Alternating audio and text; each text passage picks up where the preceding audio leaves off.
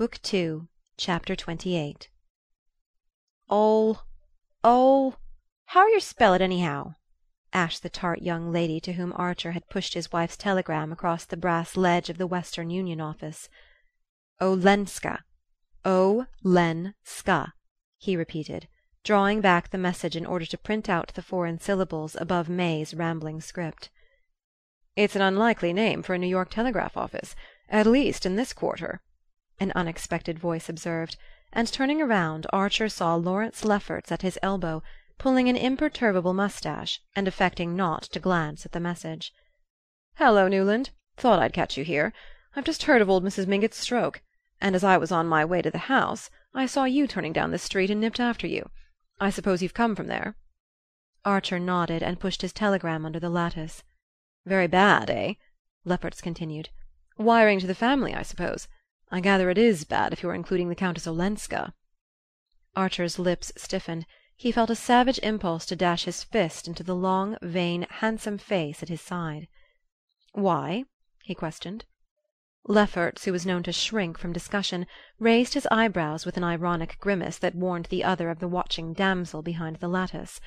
Nothing could be worse form, the look reminded Archer, than any display of temper in a public place. Archer had never been more indifferent to the requirements of form, but his impulse to do Lawrence Lefferts a physical injury was only momentary.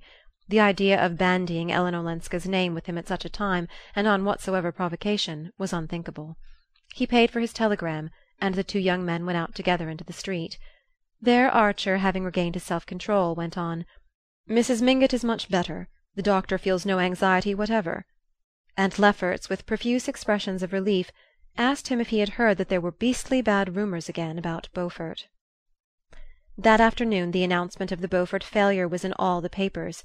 It overshadowed the report of Mrs. Manson Mingott's stroke, and only the few who had heard of the mysterious connection between the two events thought of ascribing old Catherine's illness to anything but the accumulation of flesh and years. The whole of New York was darkened by the tale of Beaufort's dishonour. There had never, as Mr. Letterblair said, been a worse case in his memory nor for that matter in the memory of the far off Letterblair who had given his name to the firm. The bank had continued to take in money for a whole day after its failure was inevitable, and as many of its clients belonged to one or another of the ruling clans, Beaufort's duplicity seemed doubly cynical. If Mrs. Beaufort had not taken the tone that such misfortunes the word was her own were the test of friendship, compassion for her might have tempered the general indignation against her husband. As it was, and especially after the object of her nocturnal visit to Mrs. Manson Mingott had become known, her cynicism was held to exceed his, and she had not the excuse, nor her detractors the satisfaction, of pleading that she was a foreigner. It was some comfort, to those whose securities were not in jeopardy, to be able to remind themselves that Beaufort was but after all, if a Dallas of South Carolina took his view of the case, and glibly talked of his soon being on his feet again, the argument lost its edge and there was nothing to do but to accept this awful evidence of the indissolubility of marriage.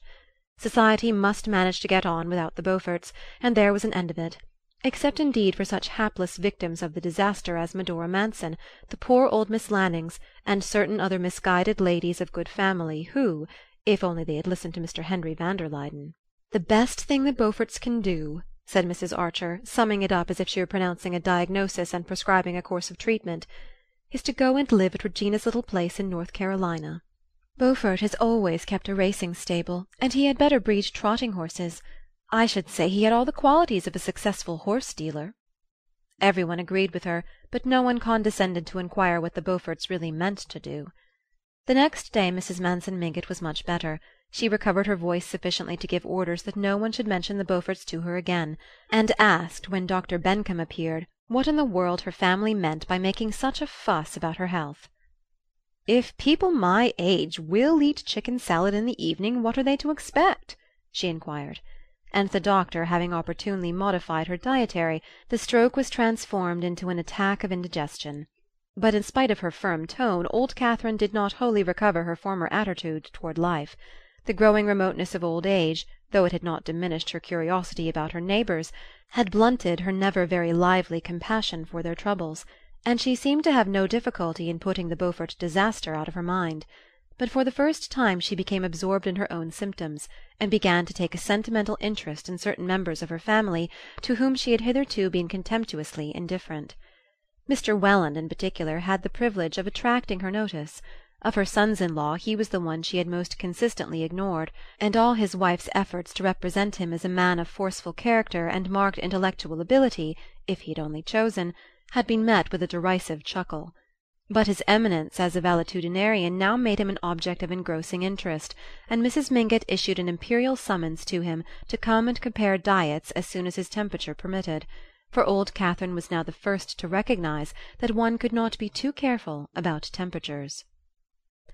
Twenty-four hours after Madame Olenska's summons a telegram announced that she would arrive from Washington on the evening of the following day. At the Wellands', where the Newland Archers chanced to be lunching, the question as to who should meet her at Jersey City was immediately raised; and the material difficulties amid which the Welland household struggled as if it had been a frontier outpost lent animation to the debate. It was agreed that Mrs. Welland could not possibly go to Jersey City, because she was to accompany her husband to old Catherine's that afternoon and the brougham could not be spared, since, if Mr. Welland were "upset" by seeing his mother in law for the first time after her attack, he might have to be taken home at a moment's notice. The Welland sons would of course be "down town," Mr. Lovell Mingott would be just hurrying back from his shooting, and the Mingott carriage engaged in meeting him; and one could not ask May, at the close of a winter afternoon, to go alone across the ferry to Jersey City, even in her own carriage. Nevertheless it might appear inhospitable, and contrary to old Catherine's express wishes, if Madame Olenska were allowed to arrive without any of the family being at the station to receive her. It was just like Ellen, Mrs. Welland's tired voice implied, to place the family in such a dilemma. "It's always one thing after another," the poor lady grieved, in one of her rare revolts against fate.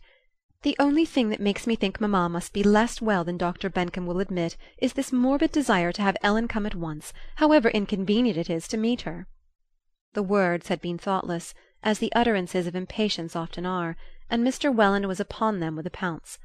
"Augusta," he said, turning pale and laying down his fork, "have you any other reason for thinking that Bencomb is less to be relied on than he was? Have you noticed that he has been less conscientious than usual in following up my case or your mother's?" It was Mrs. Welland's turn to grow pale as the endless consequences of her blunder unrolled themselves before her; but she managed to laugh and take a second helping of scalloped oysters before she said, struggling back into her old armour of cheerfulness: "Oh, my dear, how could you imagine such a thing? I only meant that, after the decided stand mamma took about its being Ellen's duty to go back to her husband, it seems strange that she should be seized with this sudden whim to see her, when there are half a dozen other grandchildren that she might have asked for. But we must never forget that mamma, in spite of her wonderful vitality, is a very old woman." Mr. Welland's brow remained clouded, and it was evident that his perturbed imagination had fastened at once on this last remark. "Yes, your mother's a very old woman, and for all we know Bencomb may not be as successful with very old people. As you say, my dear, it's always one thing after another, and in another ten or fifteen years I suppose I shall have the pleasing duty of looking about for a new doctor. It's always better to make such a change before it's absolutely necessary." And having arrived at this Spartan decision, Mr. Welland firmly took up his fork. "But all the while," Mrs. Welland began again, as she rose from the luncheon table, and led the way into the wilderness of purple satin and malachite known as the back drawing room, "I don't see how Ellen's to be got here to morrow evening, and I do like to have things settled for at least twenty four hours ahead. Archer turned from the fascinated contemplation of a small painting representing two cardinals carousing, in an octagonal ebony frame set with medallions of onyx. "Shall I fetch her?" he proposed. "I can easily get away from the office in time to meet the brougham at the ferry, if May will send it there." His heart was beating excitedly as he spoke. Mrs. Welland heaved a sigh of gratitude, and May, who had moved away to the window, turned to shed on him a beam of approval. "So you see, mamma. Everything will be settled twenty-four hours in advance," she said, stooping over to kiss her mother's troubled forehead. May's brougham awaited her at the door, and she was to drive Archer to Union Square, where he could pick up a Broadway car to carry him to the office. As she settled herself in her corner she said: "I didn't want to worry mamma by raising fresh obstacles, but how can you meet Ellen to morrow and bring her back to New York, when you're going to Washington?" "Oh, I'm not going," Archer answered. "Not going? Why, what's happened?" Her voice was as clear as a bell and full of wifely solicitude. The case is off postponed." "Postponed? How odd! I saw a note this morning from Mr. Letterblair to mamma saying that he was going to Washington to morrow for the big patent case that he was going to argue before the Supreme Court. You said it was a patent case, didn't you?" "Well, that's it. The whole office can't go. Letterblair decided to go this morning." "Then it's not postponed?" She continued with an insistence so unlike her that he felt the blood rising to his face, as if he were blushing for her unwonted lapse from all the traditional delicacies. "No, but my going is," he answered, cursing the unnecessary explanations that he had given when he had announced his intention of going to Washington, and wondering where he had read that clever liars give details, but that the cleverest do not. It did not hurt him half as much to tell May an untruth as to see her trying to pretend that she had not detected him. I'm not going till later on, luckily for the convenience of your family," he continued, taking base refuge in sarcasm. As he spoke he felt that she was looking at him, and he turned his eyes to hers in order not to appear to be avoiding them. Their glances met for a second, and perhaps let them into each other's meanings more deeply than either cared to go. "Yes, it is awfully convenient," May brightly agreed. "That you should be able to meet Ellen after all. You saw how much mamma appreciated your offering to do it." "Oh, I'm delighted to do it." The carriage stopped, and as he jumped out she leaned to him and laid her hand on his. "Good bye, dearest," she said, her eyes so blue that he wondered afterward if they had shone on him through tears. He turned away and hurried across Union Square, repeating to himself in a sort of inward chant: "It's all of two hours from Jersey City to old Catherine's. It's all of two hours, and it may be more."